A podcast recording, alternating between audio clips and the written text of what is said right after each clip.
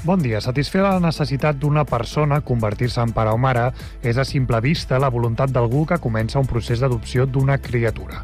La realitat, però, és que l'objectiu principal de la mesura és protegir la infància abandonada. A Sant Cugat s'han tancat 12 processos d'adopcions en els darrers 4 anys, una xifra que representa el 35% del total d'adopcions fetes al Vallès Occidental entre el 2019 i el 2022 i el 2,5% de les materialitzades a Catalunya. El 9 de novembre novembre, precisament, es commemora el Dia Mundial de les Adopcions. El president de l'Associació Sant Cugat Empresarial assegura que la ciutat ha perdut alguna inversió important per culpa del retard en l'adjudicació de les llicències d'obres. Jaume Vives explica que aquest fet no només ha afectat a particulars, sinó també a empreses i indústries que volien venir a Sant Cugat o bé estan a l'espera d'una ampliació. Un dels habitatges del carrer de Margarit de la Floresta està ocupat des de fa uns 15 anys. Per l'immoble han passat diferents persones amb diferents motius per ocupar l'espai. Els últims, set persones, la gran majoria amb feines remunerades, però no prou per pagar un habitatge i que aquest dimecres feien front a haver de deixar per requeriment judicial el que ha estat casa seva els darrers anys. Sense grans operatius policials ni del sindicat de llogateres, han anat recollint les seves coses a l'espera de l'arribada de la comitiva judicial i l'esperança de poder guanyar temps. Com aquest aquest, la gran majoria de desnonaments a Sant Cugat són així, invisibles. Moventis, la divisió de mobilitat col·lectiva de Moventia, que té seu a Sant Cugat, ha posat en marxa el nou servei de transport interurbà de l'Aràbia Saudí. Sota el nom d'Intercity, aquest servei dona cobertura a 60 ciutats ubicades a la zona nord-oest, incloent Iguida i el corredor del Mar Roig, amb ramals que connecten amb ciutats com la Meca, Medina i Riad. I en esports, el futbolista santcuatenc David López ha fet públic un comunicat en què demana perdó a l'àrbitre Miguel Ángel Ortiz d'Àrias per les seves declaracions durant el partit entre el Girona i l'Almeria. A la mitja part del partit, López va assegurar als micròfons de DAZN que l'àrbitre l'havia insultat, uns fets que ara el santcuatenc ha qualificat d'una greu confusió sobre unes manifestacions d'Ortiz d'Àrias que va entendre d'una altra manera. Les disculpes del futbolista també han estat pel conjunt de l'estament arbitral, al qual ha mostrat tot el respecte i reconeixement públicament. López ha afegit que oferirà disculpes de manera personal a Ortiz Àrias quan tornin a coincidir a sobre del camp.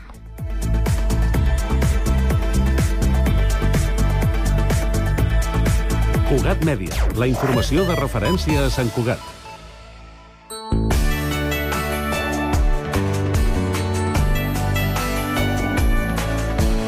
Ràdio Sant Cugat, Cugat Mèdia, 91.5 FM. Hora Sant Cugat, a Cugat Mèdia. Benvinguts un altre cop al nostre espai d'entrevistes de ràdio d'Espassur Valldoreix. Avui entrevistarem a la Montse Guayar, una de les actrius més conegudes que ha fet sèries televisives de TV3. I ara passo al, no, al meu company, Carles. Ara ho presento. La María José. La María José, el l'Àngel, la Emma, la Núria, el Miguel la, i l'Antonio. I jo mateix, en Carles.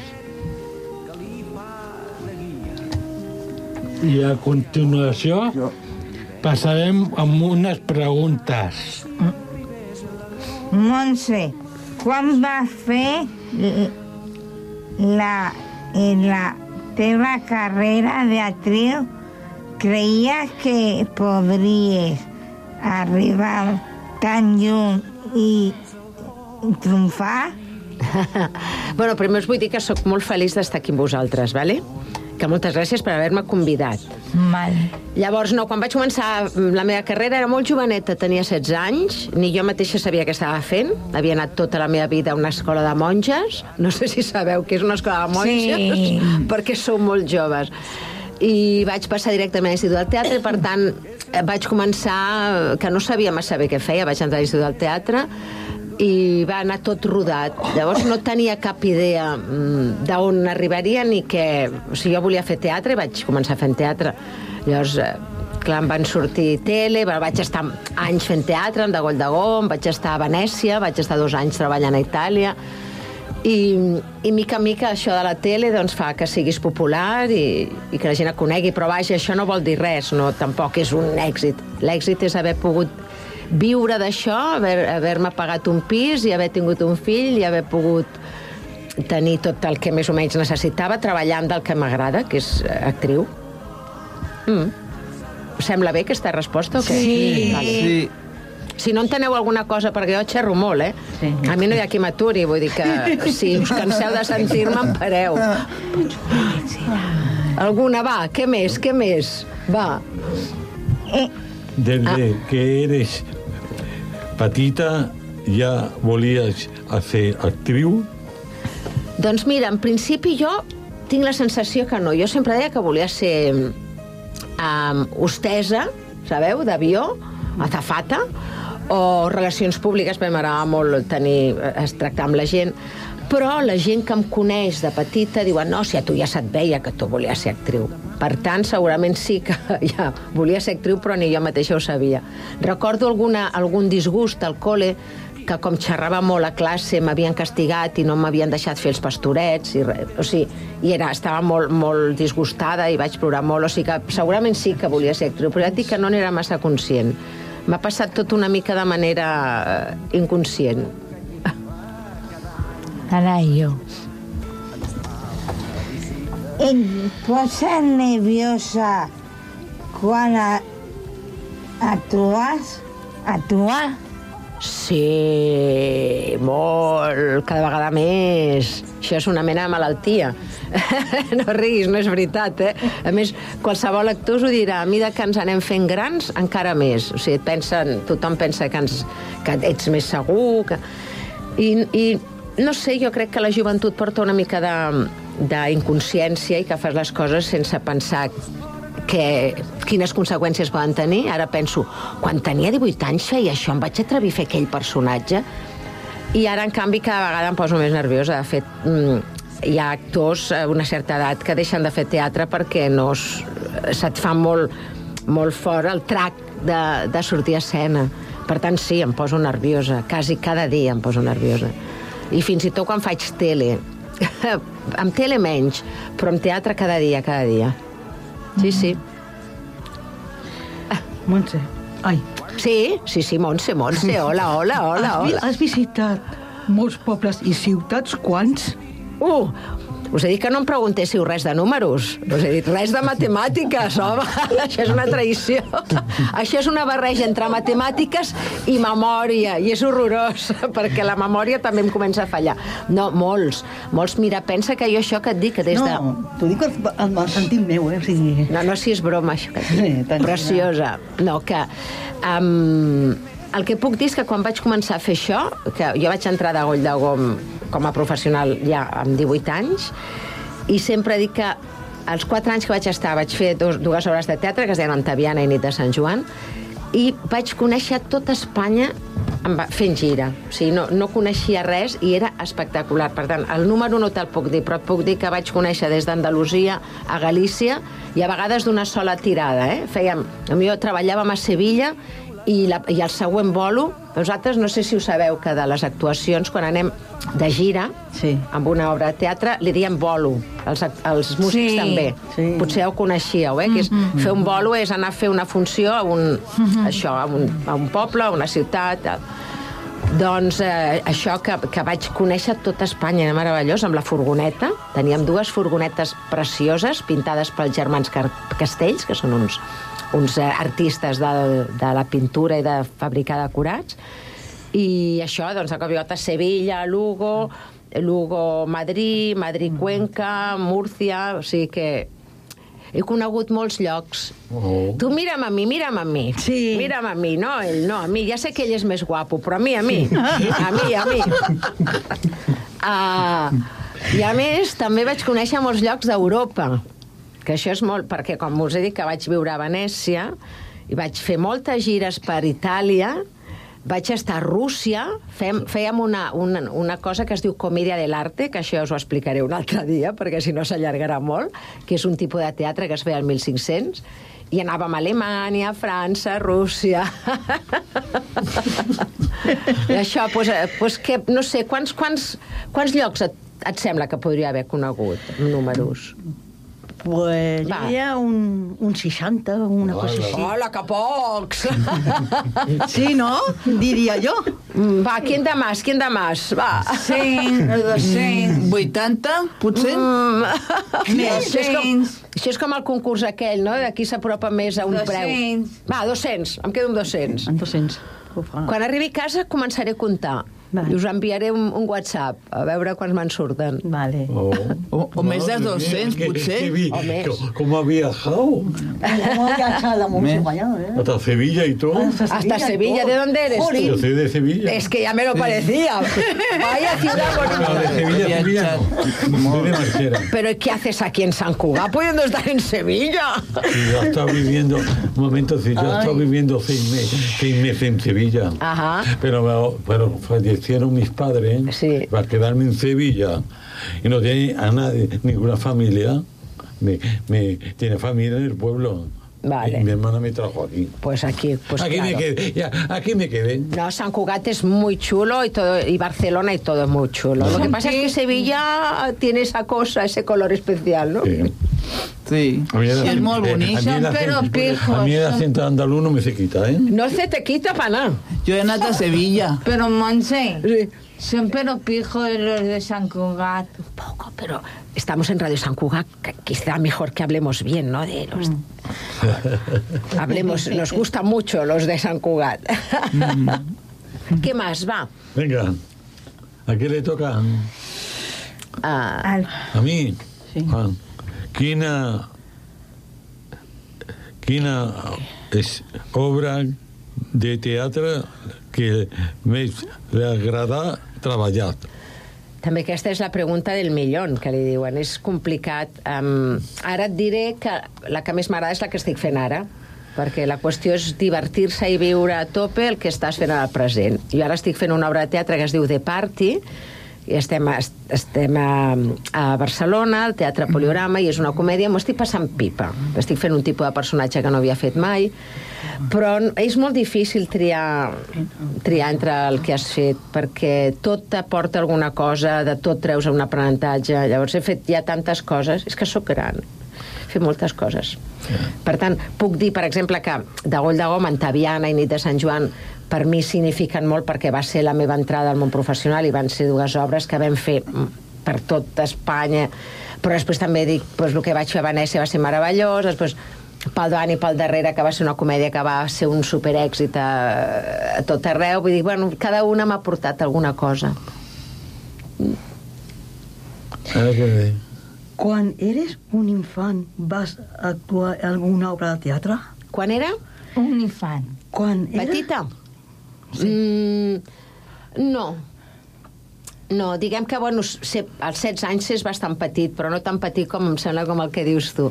No, jo crec que això que el, el, volia fer els pastorets al col i com em van castigar doncs no vaig fer, no vaig actuar de petita. Jo crec que les meva, la primera cosa que vaig fer hauria tenir 12 anys o 13, al poble on vaig començar a fer teatre. Petita, 12 anys és petita, tu, tu pensaves en més petita encara. Sí.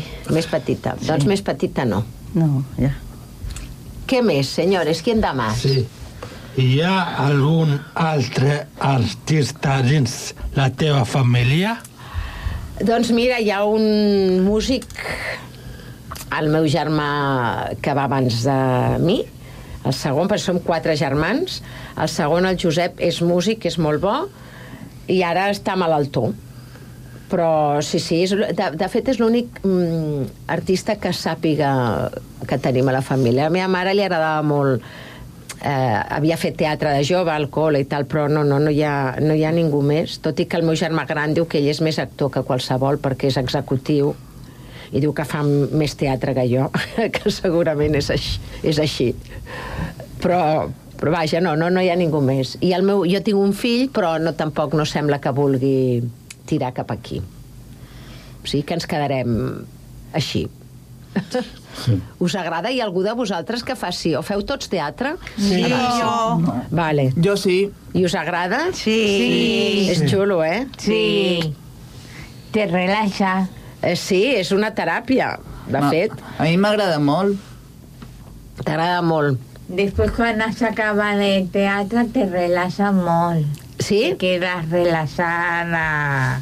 Però mm, feu exercicis o feu també personatges? Munteu obres? Sí. Sí. Un any va, sa, vam, fer, vam fer uh, tres actuacions. Un, una que es deia la, la Mona Lisa, Oh. una altra que es deia la del rellotge i una altra que es deia... El quilló. El, el reloj lo hacía yo. Ay, ¿Cómo lo hacías el reloj? Mire, La ella- Mona ella Lisa era Un yo. momento, te voy a explicar. Una que era, eh, que es de, que era uh, dels egipcis i una altra Sí. que Sí, es que deia... Sí, yo, eh, yo, y yo el de reloj era fenomenal. Fenomenal, ¿eh? Sí, porque, porque uno, uno, uno de- me decía así y yo con la mano hacía tic, tac, y se asustaban. Jo feia de nen Ah, i tenia que espantar. Bueno, si feu alguna vegada alguna cosa, Sí. convideu-me que us vindré a veure. Vale. Vale. I també vam fer el teat, eh, les dos Frides. Totes aquestes obres no les conec, eh? Sí. Igual són... Que les escriu vosaltres, les escriu algú per vosaltres. No. Les fem. Les feu. Nos vestimos de, de fi- de fi- oficio, con el, esto blanco, blanco y esto todo mo- Todo do- dorado. y, y la, y la de esto. Y esta era la serpiente. Uh! La serpiente. que lleva, llevaba una de estos de serpiente y con el mismo rabo y yo ¡Ay, qué malo! Una serpiente mala. Una, una víbora debía ser, una Sí, víbora. sí. Però jo no, no he fet... No, però no jo pot. no ho vaig fer querer mm, volent. No, home, clar, era el paper. Home, Era quan ets el actor, paper. quan ets actor has de fer el que calgui. Clar. I si et toca un paper de dolent, hi ha molts actors que els Me agrada toca fer un, un paper de dolenta. Clar, doncs hi ha molts actors que diuen que fer de dolent és millor que fer de bo. Jo, personalment, prefereixo fer de bona i que la gent m'estimi. Aquesta és la meva cosa. no pero no pa- cuando, cuando terminamos todos nos dieron la mano Ah, sí. felicidades felicidades felicidades Que xulo, ellos aplaudieron, eh? Sí. Sí. pero hacía un calor Fa una calda que és Sí? impressionant. Home, que us en recordeu d'això és que veu passar molta calor. yo tengo, yo, yo tengo el, el vídeo pero me, como, como el, me, se rompe, me se quedó en, en negro el móvil se borraron Anda que no. Anda, que ¿Tenéis más preguntas o qué? ¿O se acabó Sí. esto? Va, més. Vinga. Mm, creus que saps treure-li tot el suc als teus guions? Uau, aquesta pregunta és elaboradeta, eh? És quasi una pregunta trampa. No, mira, uh, clar, això depèn del, del, del caràcter de la persona. I, i jo tendeixo a ser bastant allò, que mai en tinc prou. No sé si m'entens. O sigui, sempre no. treballo molt, treballo molt, treballo molt, però sempre penso, ah, hagués pogut fer, ah, potser... Llavors, sí que trec tot el suc que puc perquè hi fico tota la meva ànima i tota la meva feina i les meves hores, però sempre... et Ho dones tot. Ho dones ho tot. dono tot. Com vosaltres, tot. Tot el que puc. Ara, sempre penso que potser hagués pogut fer ah, això potser ho hauria fet així o això, però, vaja, mm, quan m'hi fico, m'hi fico a tope perquè m'agrada molt el que faig. No el que faig, no el resultat, eh? vull dir, m'agrada fer d'actriu. No és que digui, oh, que bé que ho faig, mai. Això és un altre tema, costa molt que un s'agradi a un mateix. No sé vosaltres, però costa. A mi m'agrada. Sí, a tu t'agrada? Tu et quedes contenta amb el que fas tu? Penses que ho has fet bé? Sí. Doncs pues això està molt bé. Això està molt bé.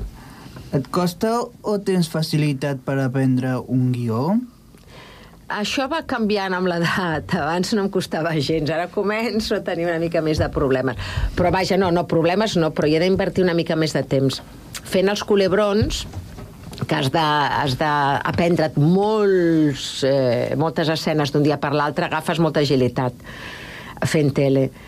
I això és una pràctica que abans ho portava molt bé. Ara, bueno, amb l'edat costa una miqueta. Jo dic que tenim el disc dur cada vegada més ple de coses, llavors costa una mica eh, que te n'entrin. eh, Allò, has d'anar buidant per deixar entrar. On t'agrada estiuejar? Ah, a mi m'agradava molt, m'agradava, parlo en passat, m'agradava estiuejar a l'Empordà, no sé si coneixeu. L'Empordà és una zona que hi ha cap a Girona que és, agafa també mar i, Sí. i camps, i a l'Alt Empordà. Muy bonita, ¿eh? És muy bonita. Molt, I a mi m'agradava molt perquè teníem una casa allà, una masia, i allà m'agradava moltíssim. Ara no estiuejo, directament no estiuejo. Perquè Tens fa... molta feina, veritat? Bueno, és per la feina, a vegades és per la feina del, del meu marit, que ell, ell és càmera, ah. fa molt cine. I llavors ens costa molt trobar un temps que esté d'estar junts i ja estiueig allò de dir passem un mes a un lloc, ja no passem. Però vaja, m'agrada molt la- el mar i m'agrada molt la muntanya. Ara, per exemple, em vindria molt de gust anar a un lloc de muntanya amb una llar de foc, no? i tancar-me allà. Però també m'agradaria una platja així d'hivern que està aquell, aquell color del mar que és una mica fosc, amb el cel una mica color plom, gris. Do... Doncs llavors que... eh, En realitat, què t'agrada més, la muntanya o el mar? No t'ho diré perquè no puc triar. És com, com lo de les obres de teatre. M'agrada les dues coses i m'agrada combinar-ho. No suporto la platja, però com suposo que ningú de vosaltres, a ple agost, amb, amb, allò, amb 300.000 persones per metre quadrat. T'agraden les dues coses. Però m'agraden les dues coses. I oja- tant de bo pugui anar Però fent... si no t'agrada el mar, t'a- t'agrada la muntanya. Mm, no m'agrada el mar quan està ple de gent, la platja, però quan està sense gent m'entusiasmo. No et quedes content, eh? No t'agrada que m'agradi les dues coses. Tu vols que triï. No, tu és- vols que jo triï, ja ho veig. Bueno, sí. Aquí tindrem un problema. Però és que a mi m'agrada... Què t'agrada, tu? Què prefereixes? M'agrada... eh, eh, perquè a mi, a mi la platja no m'agrada. Ah, però el mar és diferent. Una cosa és anar a la platja, si no t'agrada veure el mar. Mm. Ah, veus com... Veus? Al final tinc jo raó. A mí la playa tampoco me gusta. Um, uh, què és el que més t'agrada de ser actriu? poder ser moltes persones que jo no sóc, poder viure la vida d'altra gent. això és meravellós. Tens, eh, bueno, això és el resum, mm, fer coses que jo a la vida no faig i, i conèixer vides o imaginar-me vides o viure vides que no són la meva. Pot ser moltes coses, al llarg de la teva vida he sigut, he sigut infermera, he sigut perruquera, eh, he tingut un bar, eh, què més he sigut? He sigut psiquiatra, bueno, Ui. sense haver d'estudiar res de mía, tot cuántas això. cosas he hecho. Eh? Has treballat, has treballat de tot, no? Ah, exacte. De I tot. això sense haver-me format de res. O sigui, que és fantàstic. En què hospital mm, vas treballar? No, de vaig fer d'actriu, fent d'actriu. Ella em preguntava que què és el que més m'agrada de ser Sí, sí, actriu. I dic, però perquè fent puc... d'actriu, en, què, en què hospital? Eren, eren uns decorats. Ah. Era mentida. Vale, vale. Però, bueno, vaig fer una sèrie que feia d'infermera que estàvem treballant a l'hospital de Terrassa, ah. en un hospital de veritat. Ah. Sí, sí, que hi havia una planta que estava En buida. Terrassa, en Terrassa. hospital de Terrassa. A l'hospi- a l'hospital de Terrassa. Allà vaig conèixer jo el meu home, Ah. a més fent aquesta sèrie. Això ja és un cotilleo, eh? Això Ah, ja és per la revista. Lectures. A ti toca, María José, a ti te toca a ti. Una vegada es retiris t'agradaria continuar actuant d'alguna manera Actuant una vegada... amb- amb- quan te retires. Um, bueno, la veritat és que quan segurament no ens retirem mai. L'altre dia parlava amb un amic meu que em deia, bueno, un actor és sempre un actor. Et jubilis o no et jubilis... O... Nunca se retira.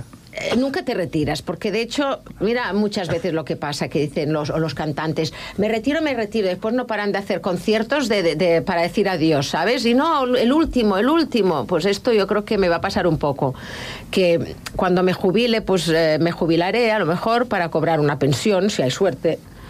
Y, pero si me siguen llamando, pues seguiré trabajando, si sigo teniendo trabajo. En el lliure, què t'agrada fer? Qui són els teus hobbies? Pues aquest és una, la pregunta també del milió, perquè és molt complicat, mm -hmm. perquè eh, ens passa bastant als actors, que com és quasi que la teva feina és el teu hobby. Llavors em costa molt trobar hobbies perquè m'agrada tant actuar i fer la meva feina que et diria lo típic. Potser quan, quan tinc temps lliure m'agrada mm, llegir, caminar, i m'agrada molt trobar-me amb amics, fer sopars, fer dinars, cuinar, fer alguns pastissos, dolços. Ah, em va fer unes sí. M'encanta. això, perquè no en sabia fer, la, i quan, quan la primera vegada que vaig tenir un temps així llarg d'aturada, vaig començar a fer pastissos. I faig un tiramisú bo. Ja quedarem un dia. A veure si us agrada el meu tiramisú. Te voy a preguntar, Monse, eh, eh, la última obra que estás haciendo, eh, ¿qué tipo de personaje estás haciendo? Pues mira, estoy haciendo un personaje muy divertido que es una, una activista. am, de, ¿Conocéis el movimiento este LGTBI? Lo- lo- los, la, la gente, ¿cómo explico yo? Lo, la, los gais, los homosexuals, Sí. les, coneixeu tot el moviment aquest de, Sí. de lesbianes i gais i tal. Sí. Eh, pues ella, la- el meu personatge és una, una dona que és lesbiana, que està casada amb una altra dona, que estan esperant, estan esperant fills. un fill, però no són un, sinó que són tres, tenen un, una gran, un susto perquè esperen tres fills, i llavors és una lluitadora de, pels drets de, pues això, pel, pel col·lectiu LGTBI, ha sigut una, una, una professora també és de- d'universitat, però bàsicament dedicada a, a defensar això, que tota la seva vida ha estat lluitant pels, pels drets d'aquest col·lectiu. Però a la vegada és una comèdia, vull dir que és una mica mm, eh, per riure. La madre coraje, ¿verdad? La madre coraje no tanto. ¿Hablas por el personaje o, o sea, Por por, el sí? personaje. De momento no es madre coraje, porque cuando sabe que están embarazadas de tres se quiere, quiere salir corriendo. No anar corrent. Quizá, eh, potser ho serà més endavant si, arri si arriben a, a, a néixer i segueixen juntes, potser sí que serà madre coraje, perquè tres de cop Madre mía.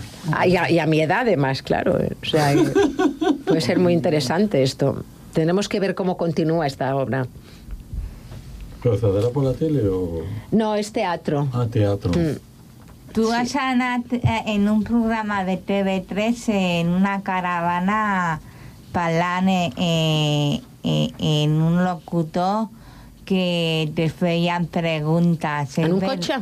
Sí. En un cotxe, allò que es diu, el, un programa que es diu El cotxe? Sí. Sí, pot ser.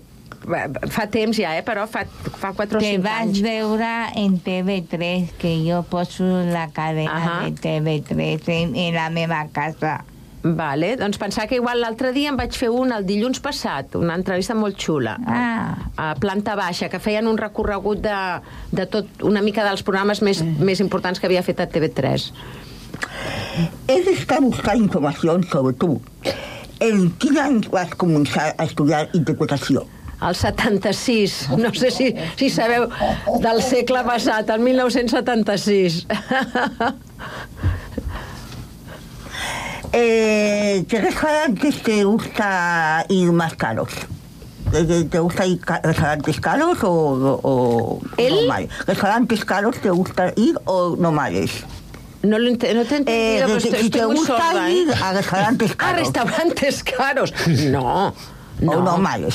Bueno, y además, no, hombre, si me sobrara el dinero, pero digamos que estos últimos años no, no, no son tan buenos y todo está muy caro.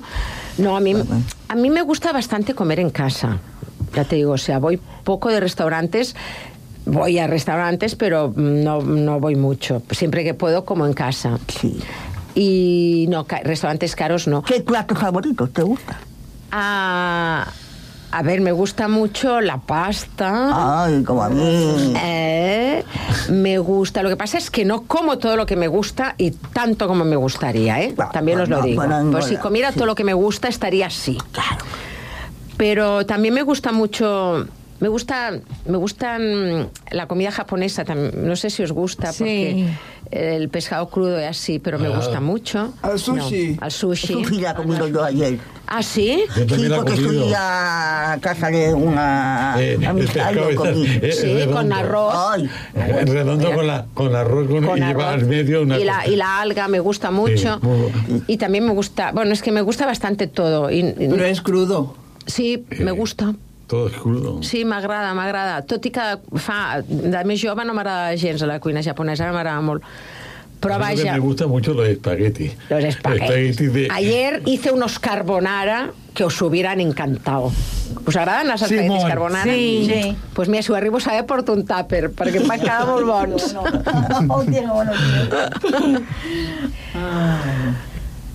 Què més? Tu? esto tú. Has hecho un, un libro biográfico. Si has hecho algo. ¿Has hecho un libro biográfico? ¿Algún? Libro biográfico. Que se ha escrito a un libro. Llibre bio, biogràfic. Ah, vale. No, no, no. No, no creo que interesase demasiado, tampoco. Bueno, como una actriz como tú, eh, que es tan popular, eh, es normal que podías haber escrito un libro sobre A ti. vosotros os interesaría, por si os interesa lo escribo, solo para Ah, vosotros. no, eso. ya tengo a unos cuantos que lo, leerían. Lo leerían. Me gusta mucho leer. Ai. Sí. Avui dia, si tinguessis opció, tra- t'agradaria provar alguna altra professió? Sí. El que m'agradaria és estudiar més. O sigui, m'agradaria fer... Un... O sigui, si tornés a començar, no només... Bueno, jo vaig estudiar actriu, però vaig estar a l'Institut del Teatre, m'he format, he fet molts cursos, però m'agradaria anar a la universitat, fer alguna cosa, estudiar. M'agradaria estudiar psicologia. O... Sí, faria una carrera. Potser no faria... No sé si faria un altre ofici, no, no en tinc ni idea, però, però m'agradaria molt eh, anar a la universitat i fer tot, tot el, un recorregut universitari. M'agradaria molt. Claro, ya tienes tiempo. Eres muy optimista. Cuando me jubile, ¿verdad? Cuando me jubile me, me empiezo con la carrera. Vale. Sí. Quina és la sèrie televisiva que més t'ha agradat gravar? Mira, sempre dic que totes m'han aportat moltes coses, però, clar, la que tinc més present és Infidels, que és la penúltima que vaig fer, i va ser com un regal de personatge, va ser xulíssim mm, amb les actrius que compartíem, que compartíem el càsting. Però vaja, després vaig fer doncs, eh, eh, el que em parlava... M'he oblidat dels noms. Emma. Emma, por Dios. Perdoneu-me, és que sóc gran, heu de pensar que sóc gran. No, I he tranquil·la, dormit poc. Montse, tranquil·la. Doncs això, Tranquil·la. Secrets de Família va ser per mi, perquè va ser la primera, així amb un paper protagonista meravellós, al cor de la ciutat. Vaig fer una família amb els que feien de fills meus. I Amor a primera vista? I Amor a primera vista, bueno, Amor a primera vista és que va ser una sorpresa, perquè jo, no, jo era actriu i fer de presentadora, i va ser un èxit increïble, havíem de fer-ho només al mes d'estiu i vam estar dos anys. ¿Te va, agra- ¿Te va agradar fer amor a primera vista? Molt. Però va ser va molt ser sorpre- una sorpresa que eh, eh, lo- eh, eh, el director de la, de la tele va dir Montse, va, faràs amor a primera vista, el Bueno. programa.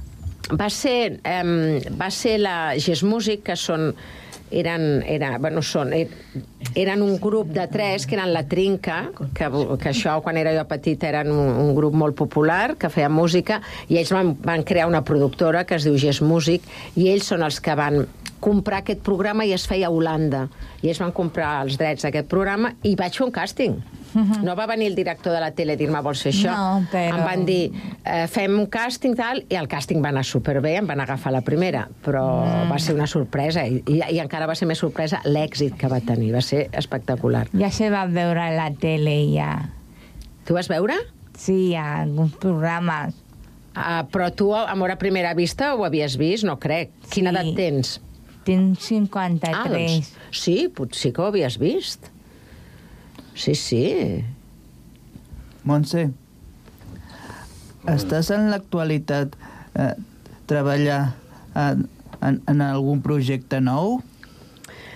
No, estic, estic treballant en el, eh, amb això de teatre, que us he dit, el Teatre Poliorama, fent de party, sí. però no tinc cap cosa a la vista. Eh, El que passa és que farem gira, anirem a conèixer pobles nous, Emma, amb, amb Sí, això. sí.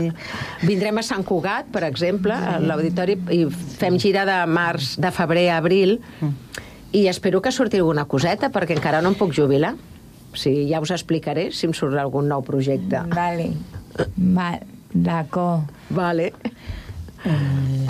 ¿Qué? ¿Que s'està encara n'hi ha, sí? Pues mm, muchas gracias por venir, Montse Oh, ¿se ha acabado ya? Ya se ha acabado. Pero qué rápido, ¿no? Muy Te has pasado el tiempo corto con nosotros. ¿Te lo estás pasando bien? Me lo estoy pasando pipa. Está bien. Eh, muchas Que gracias. mañana. Monse Guadella, eh, gracias por venir. ¿Y qué canción que seguirá te gusta? Bueno, antes me lo habéis preguntado, yo también es que yo soy muy mala para escoger, ya lo habéis visto, que no, no sé Sí, escoger. ya te he Pero visto. Eh, antes he hablado de si, si encontraban una música que es de Noche San Juan de Sisa, no sé si conocéis Sisa, és un Sí, cantante. sí, jo conec Tu conec, el coneixes, doncs. eh, Sisa va fer la música de Nit de Sant Joan, que és, és una música molt xula, que molta gent se la posa, la, de la Rebella, moltes ràdios la posen. Llavors he dit que podíem posar aquesta si la trobàvem perquè té significat per mi, va ser una obra de teatre que vam crear nosaltres, la vam escriure nosaltres, vam fer més de 500 representacions i, i bueno, mm, doncs això he demanat, però no sé si, si voleu posar una altra cosa. Si En penseu- què any Eh? vas fer la nit de Sant Joan? El 81-82. Ah. 1900, o sigui, segle XX. Mm. Pues gracias a todos y hasta el próximo programa. Pues muchísimas gracias, ¿eh? Adiós. es retira si arribés l'amor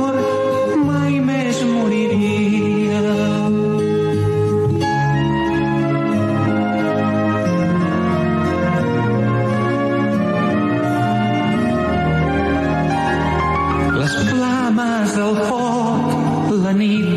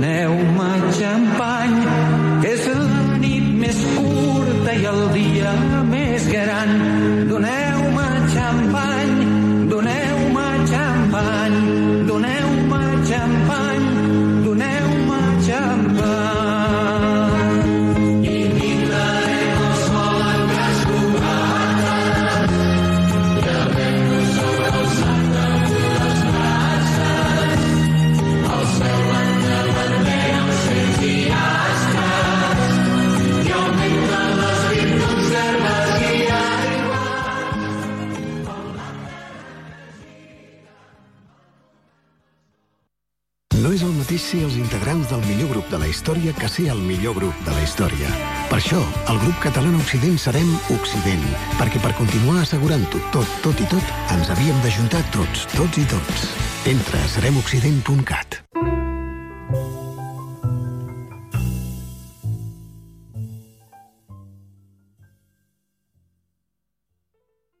Hora Sant Cugat, a Cugat Mèdia.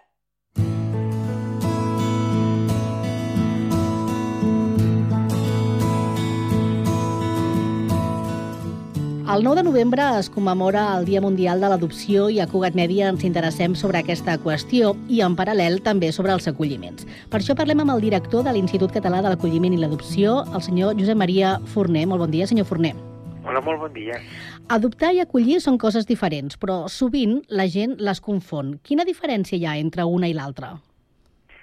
Pregunta interessantíssima i, a més a més, fonamental, perquè, sí, mira, el- la- la- l'acolliment és eh, quan la, la tutela, o sigui, sobre la, la protecció de l'infant hi ha dues mesures, diguéssim, eh, jurídiques, que és la tutela i la guarda eh, d'aquest infant. Eh, quan la tutela i la guarda de l'infant recau perdó, quan la tutela de la- de l'infant eh, recau en l'administració, només pot haver-hi acolliment. Llavors pots encarregar amb una família eh, que en tingui la guarda, però la tutela la continua tenint l'administració, la, la Generalitat en aquest cas. Um, la tutela pot venir per dues vies, quan hi ha eh, menors que venen sense referent familiar, aleshores tens aquesta tutela per part de l'administració, són bàsicament els migrants, eh? i quan hi ha producte d'un desemparament. El gran gruix és, en, en aquest cas és quan hi ha una situació familiar que es considera de risc, eh, que no permet el creixement i posa en perill a, a l'infant, llavors hi ha un desemparament, llavors eh, això genera una tutela per part de l'administració. Mentre es manté la tutela, ja només pot haver-hi acolliment.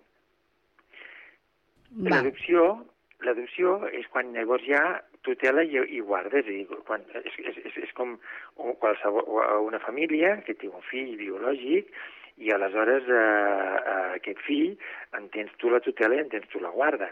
Eh? Doncs l'adopció passa el mateix, és adquireixes aquesta tutela i guarda mm, a partir d'un infant que segurament que venia tutelat per l'administració. En resum, en el cas de l'acolliment sempre hi ha la presència encara d'una família biològica i en el cas de l'adopció desapareix aquesta família biològica per adquirir la família adoptant, la tutela i la guarda. I de l'acolliment mai es pot passar a l'adopció? Són vies que no s'uneixen en cap moment? Es poden unir, eh? però són vies diferents, és a dir, es poden unir a través de eh, canviar, el, com se'n diu, la mesura de l'acolliment per un acolliment preadoptiu, és a dir, que acabi desembocant en una adopció o bé que hi hagi una petició per part de la família eh, acollidora i aleshores es consideri que la mesura s'ha de canviar. Però sempre hi ha d'haver un canvi aleshores de mesura per part dels responsables de la Direcció General de, de, de la Infància i l'Adolescència, la de Gaia, eh, que és qui dicta les, les mesures en aquest sentit. Lo normal és que quan hi ha un acolliment eh, hi hagi la possibilitat de retorn a la família biològica mm, perquè es considera que això és el més eh, adient. No? I la família, diguéssim, eh, acollidora el que fa és una, una, una guarda mentre, diguéssim, es treballa amb la família biològica per poder fer el retorn. Es pot fer, però eh, la idea de poder tornar amb la família biològica prima en el tema de l'acolliment, eh? De refent, recentment, el Departament de Drets Socials ha engegat una campanya que té per objectiu, de fet, aconseguir més famílies d'acollida. És més difícil trobar famílies per acollir que per adoptar? Eh, sí, sí, perquè mm, els números canten en això. És a dir, de, tenim unes sol·licituds de famílies adoptants molt elevada, que no hi podem donar resposta ni per la via de l'adopció nacional ni internacional, que són les dues vies que hi ha de l'adopció, eh? i aleshores eh, hi ha una llista, diguéssim, molt, gra, molt alta, molt gran, i en canvi tenim molts infants eh, tutelats per l'administració i joves que podrien anar estan en centres perquè quan estan tutelats per l'administració eh, hi ha tres possibilitats o bé eh, família extensa, és a dir, si hi haguessin el cas uns avis, uns tiets que se'n podríssim fer càrrec, eh, però això, si són, hi són, i si no hi són, no hi són, vull dir, aquí no hi ha més. Llavors hi ha les altres dues que són la del centre o bé la de la família acollidora. I en aquest cas tenim molts més infants que estan en centres que famílies acollidores. Eh? Aproximadament tindríem uns 2.000 eh, infants eh, en centres que podrien anar en famílies acollidores. Perquè s'entén que a Catalunya, per exemple, l'adopció seria uh, l'últim pas, és a dir, quan ja no hi ha res a fer, no? No, o, o bueno, no, no necessàriament, és a dir, també la família s'ofereix amb, amb, amb perspectives diferents, és a dir, l'oferiment de la família per ser acollidora és de molta consciència de que s'està treballant eh, amb la família biològica i això manté un règim de visites, etc etc. Eh, en canvi, la família adoptant mm, no vol fer-se, diguéssim, vol, vol tenir l'infant o el jove eh, tutelat i, per tant, sense cap mena de relació amb la família biològica. Hi ha una fórmula que és la fórmula que ara posarem en marxa, que està, legal, està eh, definida eh, legalment, però no la tenim en marxa molts pocs jocs estan, però la posem nosaltres en marxa d'aquí a final d'any, que és l'adopció oberta, que és tu tenir la tutela, tu tenir la, la, la, la guarda, però eh, acceptant que hi hagi algun tipus de relació amb la família biològica. Eh? Eh, estem mirant, diguéssim, fórmules per poder donar sortida als infants i als joves que estan acollits i, com molt bé has dit tu ara, estem en aquesta campanya perquè si en els centres es treballa molt bé, sí que és veritat que coincidim de que un entorn familiar que ofereix una família acollidora doncs és més eh, òptim perquè l'infant i el jove es puguin desenvolupar en la seva plenitud, no? I per això estem en aquesta campanya d'intensificació que agraïm també poder en aquest espai doncs, fer-ne com a mínim una pinzellada i de dir doncs, eh, que qui estigui interessat a poder rebre informació, perquè el primer pas és rebre informació doncs, que s'adreci a l'Institut Català de l'Acolliment i Adopció, a la web, a qualsevol manera, amb un correu genèric, i aleshores eh, l'atendrem, l'informarem. Eh, les adopcions eh, les gestionen també des de l'administració pública, Catalunya i l'Estat. Només es pot adoptar a través de l'administració? Sí, sí. Bueno, pensa que això és molt important de que hi hagin garanties absolutes, és a dir, eh? i per tant doncs, hi ha d'haver-hi, primera, una idoneïtat per part de la família adoptant i l'altra és una traçabilitat i una garantia i un acoblament eh, que doni garanties de que l'adopció es fa correctament i amb, tot els, eh, amb tots els processos. Tant sigui l'adopció nacional com l'adopció internacional. A la nacional, doncs, en tot el procés nosaltres som que garant i en la internacional doncs, intervenen algunes entitats eh, que se'n diuen les ECAI, eh, que també ajuden perquè la relació amb, la, amb el país d'origen eh, aquells infants no són responsabilitat nostra. Els infants adoptats na nacional són tutelats per l'administració i per tant són, són responsabilitat nostra, en canvi en l'internacional no. Eh? Hi ha una mediació però també hi ha d'haver una garantia de que es fa eh, tot correctament i amb, la, amb el màxim d'encert. No? Llavors això ho, ho donem nosaltres com a administració, en aquest cas l'Institut Català de l'Acolliment i de l'Adopció. Però existeixen les agències privades d'adopcions. No sé si és l'organisme aquest que m'estava comentant vostè o Sí. seria una altra cosa. No, són aquestes agències privades, són aquests, aquests organismes, però han de ser autoritzats per, per, per part nostra i reconeguts prèvia l'autorització per part nostra, eh, reconeguts en el país d'origen. Eh? Llavors el que fan és l'acompanyament en les famílies eh, i eh, en relació amb el país, que alguns països també mantenen, diguéssim, la possibilitat de fer el que se'n diu protocol públic, és a dir, poder fer eh, una petició directament a l'administració del país, però també cal en aquest cas, sense la mediació de l'agència, també cal l'acord, el treball coordinat amb nosaltres. I amb quantes agències d'aquest eh, caràcter privat eh, treballa la Generalitat i tenen aquest eh, eh, ok de poden treballar amb totes les garanties? Mira, en tenim 11, però perquè s'especialitzen en països determinats, perquè no, no, no, no qualsevol agència pot anar en qualsevol eh, país, i llavors, a més, el país l'ha de reconèixer, eh, també. És, és, primer nosaltres l'hem d'acreditar, el país l'ha de reconèixer, que, norma, que, que no ho faci no hi ha acreditació, això està clar, eh? No, no, no, no hi ha acreditació per part nostra. Uh, en tenim 11 en, aquest, en, en, en la Generalitat, diguéssim, reconegudes, però això està obert a les, la, la petició que ens puguin fer, el concurs que ens puguin demanar, si és que s'escau, eh? D'alguna nova entitat. Em deia que són 11 agències que estan eh, caracteritzades no, en diferents països, que eh, treballen, eh, suposo que cada agència en un país diferent, o potser alguna amb més d'un. Quins serien els Sí. països amb els quals llavors treballa vostè, eh, la Generalitat més eh, per eh, poder fer adopcions internacionals?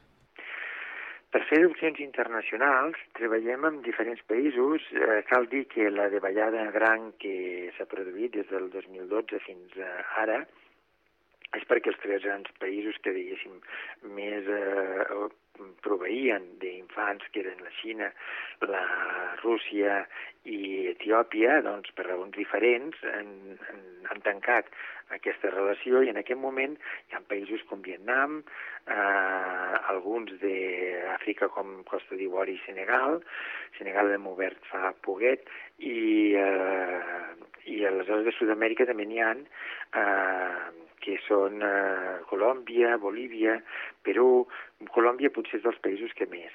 I a part de tota aquesta adopció internacional, hi ha l'adopció nacional, eh, d'infants que estan tutelats, Exacte. que hi, ha, que hi ha hagut renúncies o així. I llavors, és més fàcil adoptar una criatura de fora del país, una criatura d'un país internacional, que una criatura d'aquí?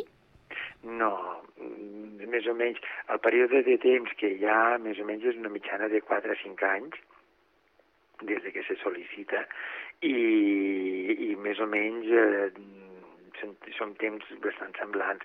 Uh, sí que és veritat que això també té una fluctuació perquè la- l'adopció nacional també ha baixat per una qüestió de menors infants uh, susceptibles de ser adoptats perquè ja no arriben, diguéssim, a, a el, el, el naixement i, el, i, el, i, el, i a la renúncia posterior, que és la principal via, eh, la principal via per tenir, diguéssim, infants tutelats eh, eh, orientats a l'adopció. Ara em deia no, que, traga, eh, que triga aquest procés uns 4 o 5 anys. I com és aquest procés? Què és el que una família, si vol ser família adoptant, ha de fer? A part d'informar-se, que és el primer pas que ja ho deia abans vostè. El primer pas és informar-se, després és formar-se per entrar en un procés valoratiu que acabarà en una acreditació. Eh? I aquesta acreditació eh, el que et dona, diguéssim, és eh, aquesta, diguéssim, capacitat per poder-ho fer. Llavors això eh, va a parar amb unes llistes eh, en les que no hi ha condicionants eh, ni de gènere, ni de tipus de família, etc etc. Eh? No hi ha cap condicionant en aquest sentit, ni, eh, ni econòmic, perquè hi ha la idea de que es pot, diguéssim, compensar amb ajuts, eh? d'alguna forma. Sí que hi ha d'haver-hi algunes condicionants de salut, eh, econòmic només seria si, si no, no hi ha la possibilitat de donar garanties de seguretat i de, de, de, de mínima, diguéssim, benestar eh, per part de l'infant. Bueno, un cop aconseguit aquesta acreditació, llavors vas a parar unes llistes d'espera i mirada, diguéssim, de, de, d'estudi d'acoplament entre el perfil del sol·licitat, per exemple, doncs, si hi ha necessitats especials, la llista, la, la, el procés s'escurça moltíssim. Si tu acceptes una adopció d'un infant amb necessitats especials, això s'escurça molt. Eh? Uh, si no, doncs, uh, clar, això ho defineixes en el moment que fas la, les peticions. I, i aleshores, doncs, és anar esperant, no? Mm, sí que és veritat que l'entrada de famílies per poder-se acreditar eh, va amb una proporció que és que no pot ser més de tres vegades el nombre de famílies acreditades en espera que el nombre d'infants adoptats l'any anterior, eh? i aleshores això fa que moltes vegades l'espera de, des de que tu busques la informació fins que acaba sent acreditat, doncs eh, s'allarga molt, eh? s'allarga molt. Als 4 o 5 anys és quan d'alguna forma ja ets eh, acreditat i aleshores comences tots els passos. Eh? Mm. O sigui, als 4 o 5 anys no és fins que tens la criatura, vol dir? Però, sí, des de que ja ets acreditat, eh? Val. Perquè, ho dic perquè hi haurà alguna família que segurament que et dirà, ens dirà, eh, si ens escolta, que ens escolta, que ens dirà que ella porta més temps esperant. Per què? Perquè hi ha una bossa molt important de sol·licitants que eh, triguen temps a poder-se acreditar. Val, Però és, és a dir, als 4 o 5 anys no compta l'acreditació, que és un pas previ que s'ha de fer, Eh, exacte. que potser és llarga també. Eh, exacte. Sí, D'acord. Sí, Mar. Val. I llavors, quins requisits, eh, ara em deia que no són gaire, uh, gaire alts, és a dir, que no miren uh, raó de sexe, ni de raça, òbviament, ni qüestions econòmiques. Um, I el tipus de famílies, és a dir, hi ha, per exemple, un topall d'edat, uh, perquè amb l'acolliment sí que veiem gent molt gran que vol ser acollida, acollidora, en canvi no hi veiem gent jove. Uh, en canvi, amb les adopcions suposo que és al revés, que veiem gent més jove que sol·licita, no gent tan gran, però hi ha un topall fins i tot d'edat? Sí, la diferència, mm, hi ha una qüestió de salut, que ja això és important, és a dir, si hi ha algun horitzó d'una esperança de vida cu- curta o molt curta, doncs això també és un limitant que no permet, diguéssim, d'acreditació. Lògicament, quan algú adopta, és, això és fonamental, eh? L'adopció és eh, satisfer un eh, desig de ser pares, eh, però també és veritat que l'objectiu primordial és que tu t'ofereixes per cobrir unes necessitats de l'infant. L'infant no és un objecte perquè satisfaci el meu desig. Llavors, si tu tens una esperança de vida o hi ha una persona amb una esperança de vida molt curta, no cobriràs les necessitats de l'infant i això és un condicionant. Si no hi ha uns ingressos mínims que garanteixin una estabilitat eh, que permeten donar resposta a les necessitats de l'infant, doncs també, eh, això, tot i que no vol dir que el, llistó estigui baix, eh, perquè de, econòmicament. Um, Llavors, això és, i després també hi ha d'haver una diferència d'edat entre la, la persona que adopta i l'infant adoptat, eh, doncs, eh, que són aquests 20, 20, 20 anys que eh, han de, han de ser-hi, més o menys, eh, i aleshores, per, perquè, perquè si no, quan tu faràs de pare, ja, eh, i sigui adolescent, doncs aleshores hi hauria un decalatge molt gran, no? perquè es considera que psicològicament no estàs cobrint les necessitats, diguéssim, que l'infant té. I quin tipus de dit, perdó, famílies? t'he dit, Sí. 20 anys són 40 anys, perdó, Jordi, t'he dit. I quin tipus de famílies són les que es interessen per les adopcions? Que, que, quin tipus de famílies venen? Quin tipus de famílies venen? Uh, so, és, és molt heterogeni, eh? Uh, són famílies uh, homosexuals, n'hi ha, ha un gruix molt important, potser més d'homes que de dones, perquè la gestació, en el cas dels homes, no hi és, i en el cas de les dones potser hi és més, però també hi és en aquest sentit, eh, o no poden tenir fills biològicament, eh? eh això, famílies monoparentals o monomarentals també n'hi ha bastants aquí, eh, o famílies que senzillament fan una opció d'adoptar algú perquè doncs, eh, tenen molt clar la consciència de que hi ha un infant que les, les seves necessitats quedaran molt més ben cobertes a casa, a casa que no pas a fora, no? I aleshores jo diria que són aquests perfils no? de, de, que t'acabo d'enumerar una mica els que principalment nodreixen a, a les peticions d'adopció. És més difícil trobar famílies que ja tenen fills biològics? No, no, no, no perquè eh, eh, hi, ha, hi ha famílies que tenen molt clara que és aquesta consciència de servei i de cobrir necessitats d'un infant que està en un, en un entorn que el, la, la seva adopció doncs, fa, facilitarà. Això, això és especialment significatiu en l'acolliment, és a dir, l'acolliment eh, aquestes famílies eh, tenen, diguéssim, aquesta consciència plena de eh, tenir a, a, a l'entorn familiar propi doncs aquesta acollida, aquest infant o jove que, que estava residint en un centre i el gruix més important jo te diria que són famílies que tenen fills biològics i per tant doncs, eh, fan aquesta funció de, de pares i germans d'alguna manera. Clar. Quantes adopcions es tanquen cada any? Deien que hi havia més llista d'espera que possibilitats d'adopcions, no? Adopcions, eh, hem baixat moltíssim des del 2012, que potser és un dels pics més elevats, que havíem estat sobre els 1.500 a nivell internacional i sobre els 150 a nivell nacional. I ara, en aquest moment, l'any passat van ser 37 a nivell internacional i 60 a nivell nacional eh, d'adopcions.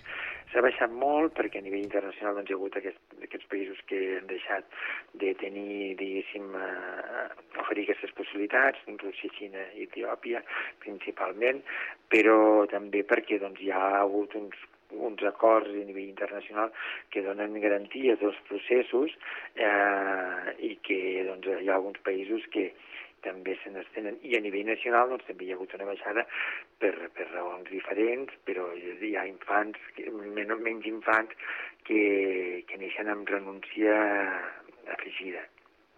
Per què han tancat eh, relacions amb Xina, Rússia i Etiòpia, com comentava? No, no, no, no és que hagin tancat, no és que ells han tancat ja. Ells. Eh, ells han tancat eh, eh, la Xina per, per bàsicament pel canvi de política del fill únic, que ara se n'adonen del disbarat enorme que van fer amb el tema de que els hi falten nenes, eh? perquè clar, llavors es provocava que hi havia oh, moltes més nenes a, en adopció que això és ara canviat i més ha ha baixat la natalitat. Rússia per les quotes condicions que també van, a- van anar donant i aleshores eh, la situació de guerra, etc etc i Etiòpia també per la inestabilitat diguéssim del país. Eh? Eren aquests eren els més grans, els que nodrien pràcticament un 80% d'aquesta adopció internacional, eh? no dic que fossin els únics, ni molt menys. I després també cal veure, per exemple, doncs, que en el cas de la Índia o la Xina hi ha una emergència d'una classe mitjana que fa que bona part de l'adopció dels infants que estiguin en adopció eh, vagin a parar a la- a l'adopció nacional d'ells, no? Val. Eh, ja. Han canviat diferents eh, qüestions, com comentava. No sé si a Sant Cugat aquestes dades són similars a l'hora mm, de fer peticions d'adopcions. És una ciutat dintre de Catalunya que sigui particularment oberta a aquestes situacions? No vull, no vull ara desenganyar-te de, de dir no, si Sant Cugat és especial. No, en, en, en general el els números que manegem a, a, a Catalunya són bastant homogenis, és a dir, més enllà de si és una zona rural, una zona urbana, si és un perfil amb uns ingressos superiors o no, eh, no no, diria que són xifres bastant homogènies tant de l'acolliment com de l'adopció. Eh? Eh, aquí sí que eh, bueno, és important que l'acolliment també sigui eh, es faci extensiu. Ràdio Sant Cugat.